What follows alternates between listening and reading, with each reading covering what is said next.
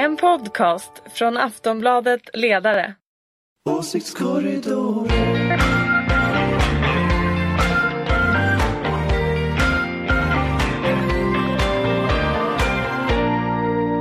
Hej och välkomna till Åsiktskorridoren special från Almedalen. Och det här är ju som vanligt en podd från Aftonbladets ledarredaktion. Och idag, låt mig presentera dessa fantastiska deltagare. Jag har med mig den moderata PR-primadonnan Ulrika Schenström. Vi har ledarsidan egen försvarshök, Anders Lindberg. En varm applåd. Ulrika applåderar Anders lite nu, ni gillar ju mötet. Och så hans eh, eminenta chef, den ytterst eh, balanserande, ytterst och verkligen rimliga politiska chefredaktör Karin Pettersson, som också för övrigt är den som har skrivit denna presentation. I knew it. Ja, välkomna i alla Tackar, fall och välkomna tackar. ni som sitter och lyssnar här i Aftonbladets tält. Eh, vi är inne på dag två eh, och eh, jag och Maria Björring ska försöka leda detta i någon slags ordning, om det nu är möjligt. Vi ska snacka väldigt mycket politik. Eh, hur har Almedalen varit hittills? Ulrika, dag två, lever Ja, du? alltså jag, måste, ju- nej, jag är faktiskt redan trött och det är, ju- det är ju faktiskt väldigt märkligt. Men jag hetsar upp mig ibland för vissa seminarier och förbereder mig alldeles för mycket och, och sen står jag där och undrar varför jag har hetsat upp mig. Och, ja, så jag, jag är redan slut. Men, men eh, det är en liten annorlunda stämning. Det är ju inte valår så att jag tycker att det är ganska... Jag skulle inte använda ordet egentligen avslaget, men det är Det var ändå det- det är ganska det var ändå lojt. det ord du nej, använde nu. Nej, nej, jag skulle... Åh, gud vad jobbig du är. Jag skulle säga lojt. Lloyd, så har du på något sätt uppmärksammat att det är sossarnas dag idag? Ja, jag har sett det här med skolmiljarderna. Ja, Okej, någon annan? Du har vad- också debatter- så har du debatterat a-kassan också som en hommage till Socialdemokraterna. Mm, men den gjorde, men a-kassan, du vet. Jag kan debattera a-kassan mitt i Ja, natten, ska när vi som helst, hur som helst. Bortre parentesen och allt möjligt. brukar Nej, jag diskutera tycker vi kan a-kassan liksom, oftast. Jag tycker att lyssnarna här ska få slippa höra mig prata a-kassa Ja, faktiskt. Men, men, men annars kan man väl säga det att det är ju första riktiga dagen. Igår var ju bara Centerpartiet, idag är ju liksom på något sätt en hel dag när folk faktiskt har kommit hit och det är liksom människor här och jag tycker det är ganska trevligt att gå runt här. Det är till skillnad från ryktet sol. Vadå till skillnad mot ryktet? Jo, det kom ju så här väderleksprognoser innan så att när man skulle packa för Almedalen så Ja, var det väldigt mycket att man skulle ha regnkläder Ja, ja, ja, ja. och iglo och så med sig och nu var det sol och det är vackert och trevligt så att jag Det tycker spöregnade halv fem i morse, men då var inte Ja. du uppe. Nej. Ja. Nej. Vi- Vi lämnar detta väder. Det var nog Och ingen annan heller, mer än du, Du ska prata politik, Karin, ser ut som hon att svimma där borta. Eh, vi ska snacka lite då om eh, detta med att det är sossarnas dag. Samtidigt så är, blir det lite drängt i Greklandskrisen. Vi har brutala terrordåd eh, och Putin står runt hörnet och lurar. Hur på något sätt ska vi kunna motivera att vi pysslar med något som heter inrikespolitik just nu? Alltså jag trodde det var Putin som kom här förut, så det var någon sån här arméorkester som kom, men det visade sig vara Expressen som kom, som kom dånande ner för gatan här. Och efter gick en lieman såg jag. Ja, efter gick en lieman. Det var jag decemberöverenskommelsen som Jag kom. trodde det var Thomas Mattsson. Nej, skoja bara. Nej, jag kände faktiskt att när han dök upp den där liman kände att döden är här och kommer Nu och lämnar hämtar vi liemannen. Alltså, hur, hur ska vi med gott samvete kunna prata inrikespolitik? Om vi är seriösa ett ögonblick. Ja, det är ju faktiskt svårt. Alltså, jag, jag, jag var med, jag var på en stund, för stund sedan så var jag på Magdalena Anderssons pressträff om, om Greklandskrisen. Och det är klart att när man å ena sidan är, på pressträffen och man ser liksom de här köerna framför bankomaterna, nu har de stängt bankkontoren i Grekland, man har satt ett tak på max 60 euros uttag, så det är ju en, en enorm katastrof som de här människorna står inför. Samtidigt så kommer då på SVT, eh, sossarna har ett skolutspel som är ett återanvänt utspel sedan i höstas Ja, om 3 sant. miljarder till lärarlöner. Så att i ena vågskålen står den här fullständiga katastrofen i Grekland, i andra vågskålen det här utspelet. Så då känns det ju verkligen som att det, det, är, liksom, det är inte Almedalen som är det viktiga just nu, utan det är just det här liksom som händer i omvärlden. Jag tycker också det. Det känns som att man har eh, huvudet egentligen lite grann någon annanstans. Och eh, man följer absolut pliktskyldigt och ska gå och lyssna på tal och sådana där saker med i seminarier. Men det finns ju en underton de här, de här dagarna och de här veckorna eh, som, är, eh, ja, som gör en orolig. En, en, en oro för liksom st större händelser.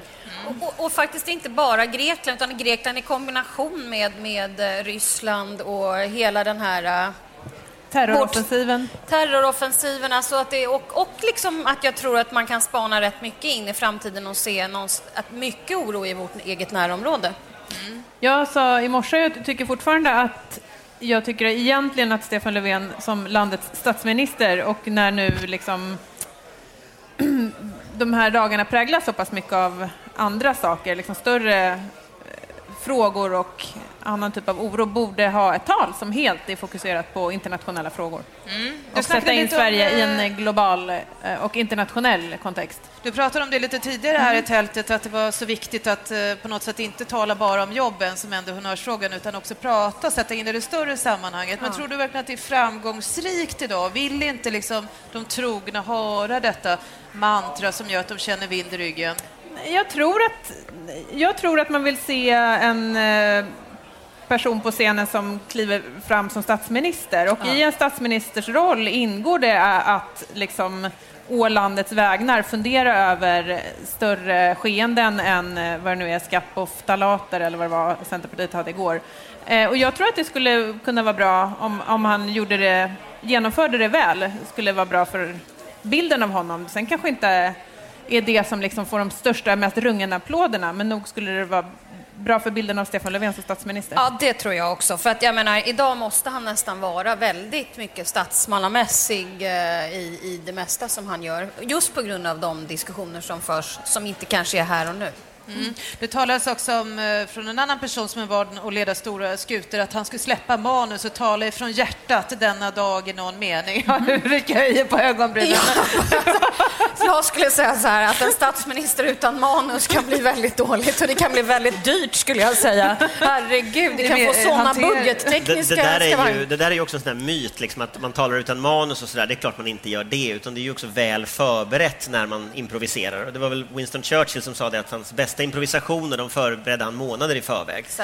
Och så är det ju också med, med den här typen av folk som talar här på scenen. Men däremot, det stora problemet blir ju om, om liksom veckan här handlar om inrikespolitik, men alla människor utanför den här bubblan i Almedalen har huvudet antingen i Greklandskrisen eller i den flyktingvåg som sker från, från Mellanöstern, i, i Islamiska statens framfart, de här terrordåden vi ser, eh, Rysslands upprustning och så vidare. Då är det klart att då blir ju liksom, det blir lite Vad futtigt. ger det för konsekvenser då?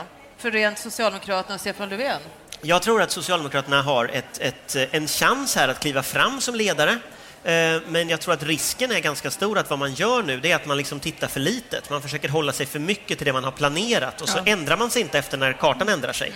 Eh, Almedalen är ju klassiskt så att de som håller sig till, till så att säga, sin ursprungliga planering, de kommer inte ut särskilt väl. Utan det är just det här att anpassa sig efter ett snabbt föränderligt landskap. Det är då man kommer Karin, ut. tyckte du det var så lite igår när Annie Lööf talade om ökade höjda skattehöjningar på elsaker?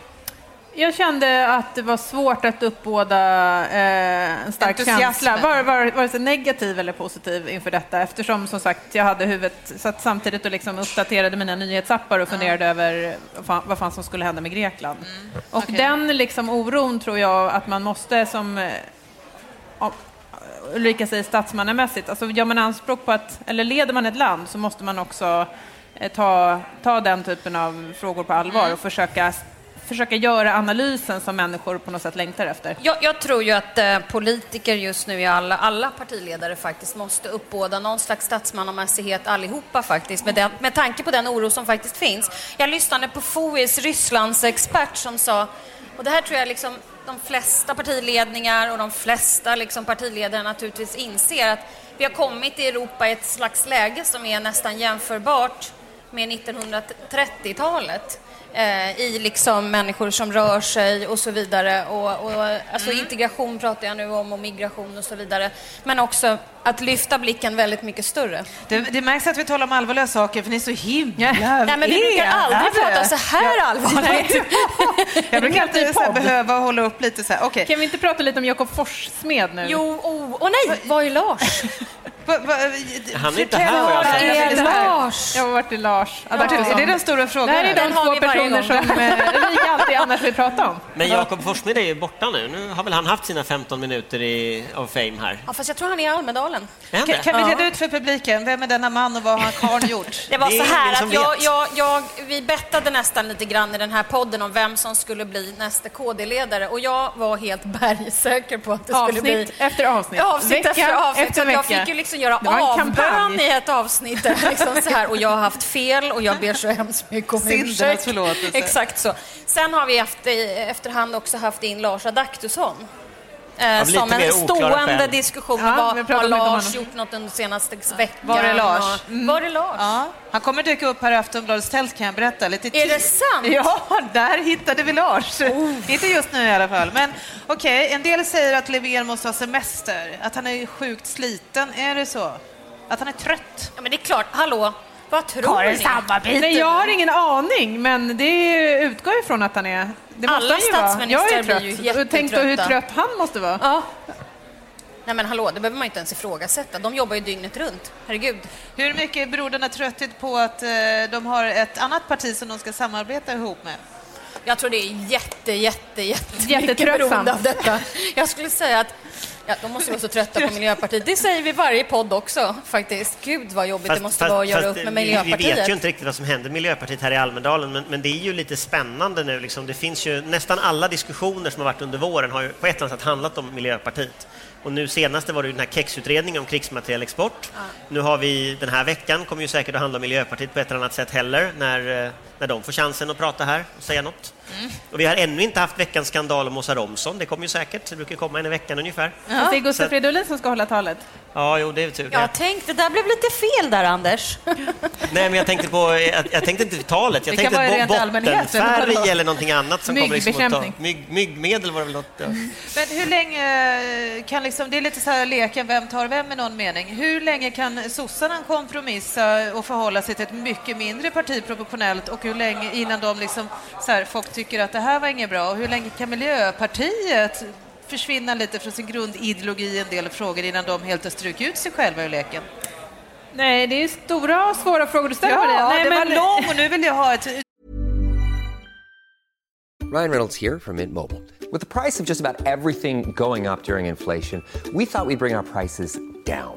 So to help us, we brought in a reverse auctioneer, which is apparently a thing. Mint Mobile unlimited premium wireless. Ready to get 30, 30, bit to get 30, bit to get 20, 20, 20, bit to get 20, 20, bit to get 15, 15, 15, 15 just 15 bucks a month. So, Give it a try at mintmobile.com slash switch. $45 up front for three months plus taxes and fees. Promo for new customers for limited time. Unlimited more than 40 gigabytes per month. Slows. Full terms at mintmobile.com. ytterst intelligent svar därför. Nej, Men jag tror, att man Jag får in, jag, tror att man får in, jag tror att man får inse att den här regeringen befinner sig i en ganska djup kris. Eh, Det är väldigt dåliga opinionssiffror, man har haft en väldigt problematisk politisk vår. Det behövs något nytt, det behövs nya tag. Och samtidigt ser vi ehm, idag kom det väl en opinionsmätning som visade att Alliansen leder opinionen och att kritiken mot decemberöverenskommelsen bland alliansväljarna är extremt stark och att det har eskalerat under våren. Så att allt det här tillsammans gör ju såklart att det är en ganska svår eh, det är svårt att se, någonting måste hända om det här ska hålla, tror jag, i tre år till. Och jag vet inte riktigt vad det ska vara, men Stefan Löfven tror jag måste inse att han måste på något sätt ta initiativet för att få upp sina egna opinionssiffror. Han regerar i minoritet, då måste man slåss varje dag och varje vecka för att, liksom vinna, mycket, ja. för att vinna väljarna. Och lite är det som att de har lut, lutat sig tillbaka, klivit in i regeringskansliet och bara okej, nu är det vi som regerar och vi hörs om, fy, om tre och ett halvt år. Så kan man inte göra när läget är som det är idag, tror jag. Där, där finns väl också, man, om man vänder på din fråga så säger så här, det kanske är så att vad de skulle behöva är att inte ta semester. Därför att tar de semester nu och kommer tillbaka i höst i samma läge som är idag, då kommer de att få en väldigt stor uppförsbacke i höst. Utan vad de skulle behöva göra nu, det är att liksom hitta en kommunikation som gör att de faktiskt börjar prata med människor om de problem som människor upplever. Eh, och, och det här har ju regeringen inte gjort, kan man säga, egentligen sedan den tillträdde, utan det är, liksom, det är en väldigt förvaltande regering. Och just det här med att komma, liksom att vara i opposition mot samhällsproblem, det var något som Göran Persson var fenomenal på. Att han kunde sitta i regering år ut och år in och ändå vara i opposition mot orättvisor. tiden faktiskt. Eh, och, och, och någonstans Stefan Löfven måste liksom lära sig det här av Göran Persson, att liksom gå i opposition mot orättvisor, ta de här frågorna som människor diskuterar. Och det kanske han ska göra nu, så att han borde inte ta semester, han kanske borde ta julledigt nästa gång och sen köra liksom in i kaklet. Sen ska man ju också jämföra med till exempel regeringen Reinfeldt 1. Sommaren 2008 så var det 20 procent mellan blocken. Det tar en stund också att bli varm i kläderna. Socialdemokratin har inte suttit med ett annat parti i regeringsställning tidigare. Det kanske både gör ont men också är väldigt ovant om jag ska vara riktigt ärlig. Och jag tror också att det är det Miljöpartiet går igenom som har liksom varit en ständig slags sidoopposition på något sätt och aldrig behövt ta ansvar och sen helt plötsligt inse vad det är för någonting. Det tar en stund och jag tror inte det här läget i opinionen kommer hålla i sig hur länge som helst. Däremot är jag väldigt oroad och det har vi ju pratat om gemensamt här inne många gånger i den här podden att väldigt orolig för Sverigedemokraterna och deras eh, fortsatta liksom, eh, ökning. De ökar ju opinionssiffrorna. Men om vi tar upp detta som Karin nämnde, eh, mätningen att de borgerliga liksom otroligt eh, negativt inriktade mot den så kallade dö. Jag har fortfarande inte kommit till, liksom, till sans med den här förkortningen, med decemberöverenskommelsen. Ulrika, vad betyder det då? Du Nej, men är det är klart att det är enormt problematiskt eh, och någonting man verkligen måste ta på allvar i, i, eh, i den moderata partiledningen. Sen Gör så ska Anna Kinberg Batra det då? det, det tror jag absolut. Men sen ska man ju komma ihåg, är det död de är upprörda över, de här väljarna? Eller är det någonting annat? Kan det vara till exempel så enkelt som att vi sitter inte längre i regeringsställning, man vet inte riktigt vad saker och ting är på väg, det är ett nytt lag som har tagit över Moderaterna.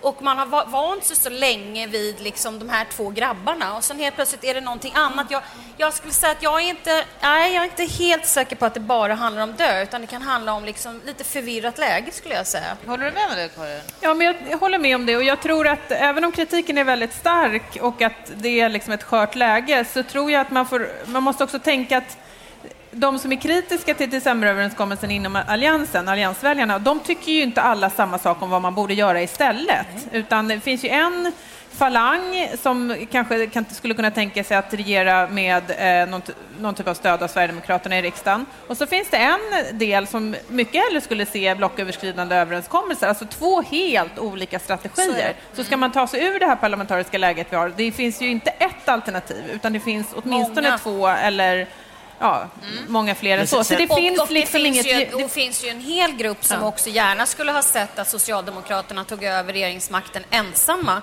och att man kunde ha gjort upp vissa saker med, med, med S. Jag tror att det är en ganska stor sån falang som absolut inte vill se SD någonstans utan Känns det otroligt Men, men, men, men det- det- den underliggande frågan här är ju liksom hur länge står Socialdemokraterna ut med Miljöpartiet? Eh, Det är ju den underliggande frågan. Alltså, är den här regeringen en regering som kommer att kunna samarbeta över tid?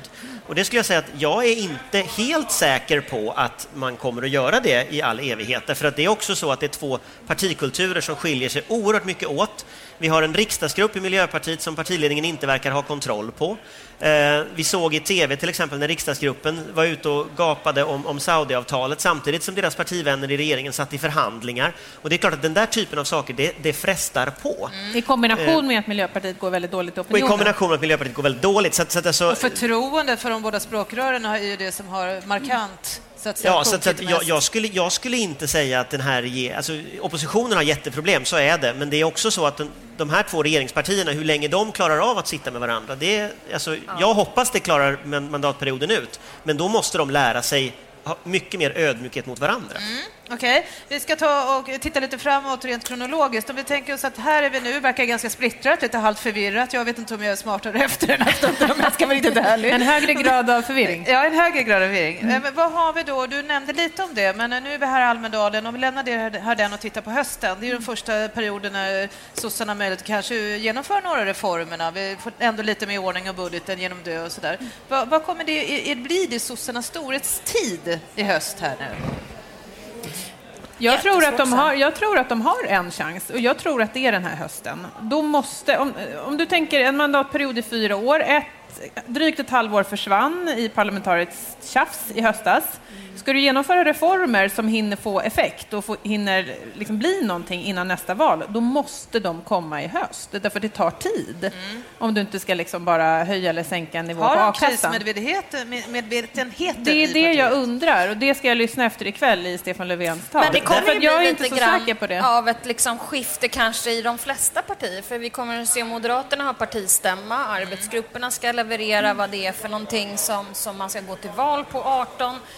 Eh, och eh, jag kan hålla med dig om att de har en chans under hösten. Så det kan ju vara så att hösten blir liksom vattendelaren på var det här är på väg någonstans. Det finns ju också två ganska tydliga tecken på hur liksom regeringspartierna tänker och det är ju Socialdemokraternas kongress och Miljöpartiets stämma som var nu under våren.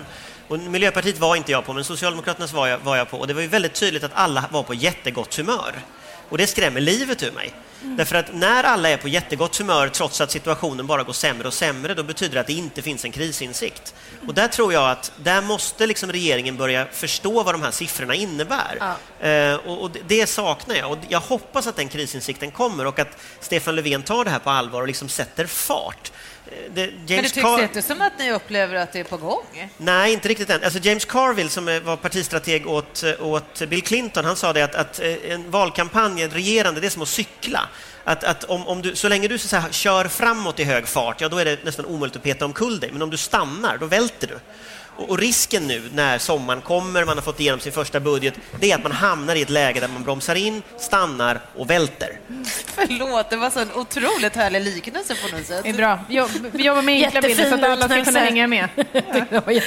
Ja, Okej, eh, härligt ändå att få, få lite skratt i denna ganska allvarsamma ton hittills. Kan vi inte ta fram någonting eh, som ni har upplevt eh, hittills, så lite som ni tycker har varit väldigt positivt, så vi avslutar podden lite härligt. Här i Almedalen. Positivt. Ja! Jaha. Det är jättefint väder. Ja, härligt väder. Ehm, Det är kul människor här, eller hur det är Ulrika? jätteroliga människor här. Jag, jag, tycker Jag det var, jag, tycker- jag, jag kan ta en sak som jag tycker är intressant. Jag tycker en sak var intressant och det var att, att än så länge så är det ingen som har fastnat i fällan av att börja prata om Sverigedemokraterna och prata om deras frågor som ska vi sin snacka huvudgrej. lite kort om det, Och det det tycker jag är viktigt. viktigt. Alltså när, vi, när, när, när Centerpartiet kommer hit och pratar miljö eh, Sossarna pratar satsningar på lärare. Om vi kan ha veckan så att vi pratar riktig politik Ja, det eh, när det är inrikespolitik så vore det väldigt skönt. Om vi liksom hamnar och far iväg in i någon sån här SD-diskussion som ju, som ju tyvärr förra Almedalen lite hamnade i, Mm. eh, som cirklade runt det, utan liksom prata riktiga problem i människors vardag, då tror jag att det här kan leda till något bra. Trots Greklandskrisen och så, därför det är ändå otroligt mycket samtal om som jag sker här. vara så här djävulens advokat i det här fallet, då, eller om det är förenklad tankegång, att många människor kanske tycker att det finns saker och ting som är problematiskt just nu. Att det- det här med att man känner sig hotad, det kommer människor, man vet inte riktigt vad som ska hända, hur ska de få jobb, integrationen, opinionssiffrorna ökar för SD. Ska man inte då uppleva att det här kanske är ett, i alla fall för människor upplevt Jag tror, nej, men jag, tror att, jag tror att svaret på det ska vara just att man gör en egen analys. Alltså, vad är det för situation vi har i världen runt omkring oss? Vi har den, och det tror jag att man ska ta, absolut tala om. Och jag skulle som sagt helst önska att man bara i dagsläget pratar om det, att man eh, om globala frågor, internationella frågor, säkerhetspolitik och utrikespolitik. Och då skulle man också kunna säga att vi har idag den flest människor på flykt i världen sedan andra världskriget. Det är den situation Sverige befinner sig i, Sverige och alla andra länder. Och självklart ska vi i ett sådant läge, som det land som Sverige är, göra vad vi kan och så tar man det därifrån. Men att börja i en, liksom en analys av vilken situation finns runt omkring oss i Sverige nu, för det är ju liksom den pusselbiten som man så of- ofta saknar i de här eh, liksom Samtalen. SD-harvandet. För politiken har ju faktiskt ett ansvar att ha svar på de liksom, samhällsproblem som finns där. Annars så kan vi ju strunta i att ha politiker. Om de bara ska hålla på med taktiska frågor. Utan de ska ju faktiskt trots allt leverera politik och svar på det som oroar oss och så vidare.